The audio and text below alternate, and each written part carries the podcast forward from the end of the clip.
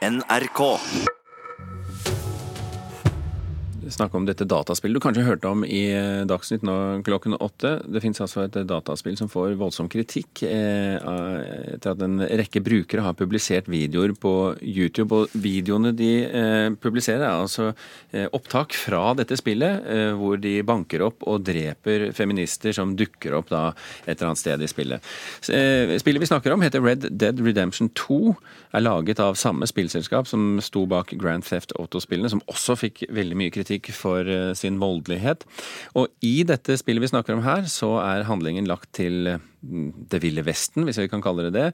Eh, spillerne kan snakke med, de kan rane, de kan skjelle ut eller til og med drepe hvem de vil. Eh, og den mest populære videoen fra dette spillet på YouTube har fått tittelen 'Banker opp irriterende feminist' og har over 1,5 millioner visninger. American. Come on, people. Let me vote. It's a national disgrace. Vi befinner oss i året 1899 i USA. Kvinnen du nettopp hørte, er en feminist som demonstrerer for å få lov til å stemme. Hun er en av suffragettene. Plutselig tar samtalen en brå vending. You think you're better than me?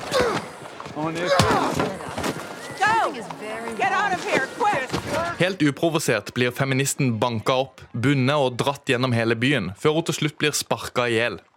Dette er lasta opp på YouTube, og akkurat nå har videoen halvannen million visninger. Mange har latt seg sjokkere av videoene av feminister som blir banka opp og drept, men Stine Bang-Svendsen er ikke en av dem. Hun er kjønnsforsker ved NTNU som har forska på seksuell trakassering i dataspill. Det er jo ikke nytt for meg at det er sånn at noen finner nytelse i å se på at uh, kvinner blir uh, slått livløs. jeg syns at det er utrolig kjipt at det er sånn. Men spillerne syns ikke dette er kjipt. De syns tvert imot at dette er morsomt. Men under humoren ligger det et dypt alvor, sier Svendsen. Og så syns jeg også at det er veldig bekymringsfullt å se hvor mange som synes at det er morsomt å iscenesette vold mot folk generelt, men også spesielt å, å iscenesette vold mot feminister, da, som er jo en politisk form for, for vold som iscenesettes. da. Det her har en symbolverdi utover at uh, denne spillfiguren banker opp ei dame.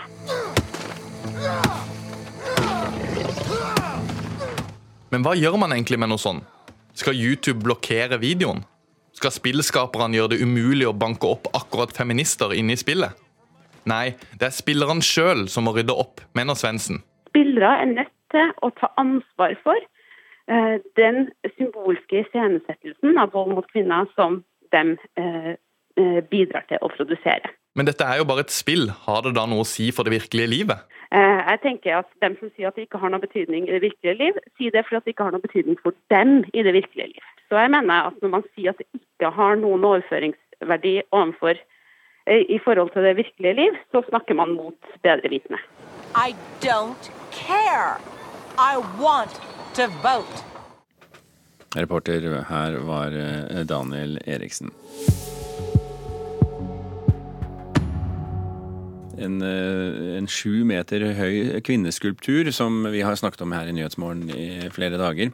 La folket være med å bestemme hvilken kunst som skal være i det offentlige rom, sier samfunnsdebattant Audun Eng.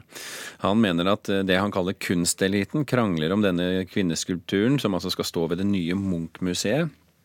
Eh, ingen har spurt folket, sier han, og det er de som skal leve med å betale for kunstverket. Det bør være en, en, en liste over eh, kunstverk i eh, forskjellige stilarter som befolkningen kan eh, velge mellom gjennom en eh, folkeavstemning. Audun Eng, som er jurist og arkitekt, og opptatt av kunst i det offentlige rom, mener at kunstnere og fagfolk fra ulike kunstområder kan plukke ut kunstverkene som skal være med i konkurransen.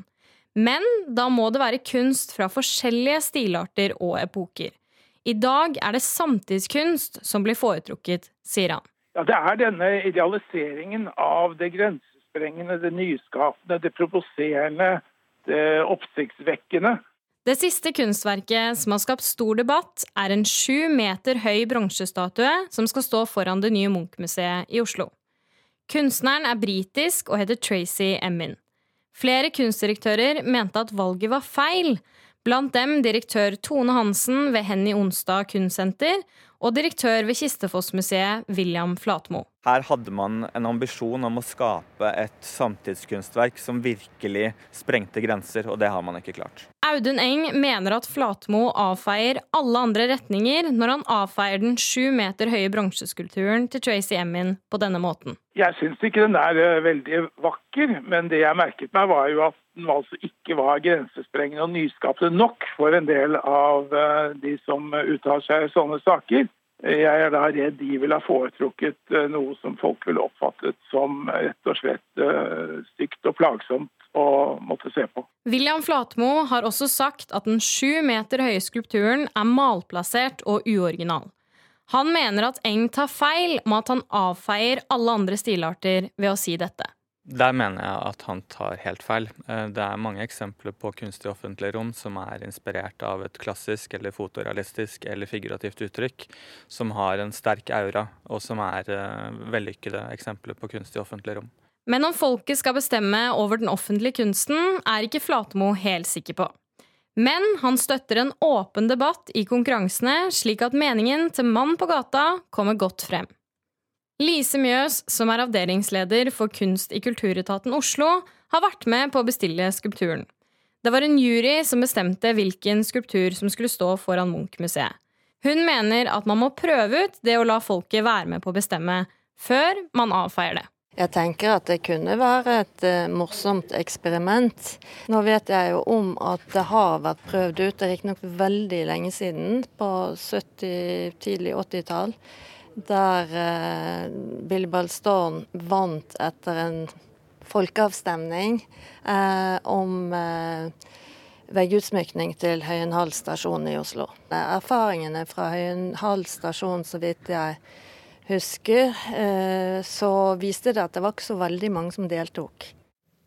Reporter i denne saken det var Tone Staude og Kaja Marie Andreassen. Det siste tilskuddet i bokhøstens mye omtalte fenomen Blogger gir ut bok, er livsstilsbloggeren Camilla Pils utgave Pil i hjertet.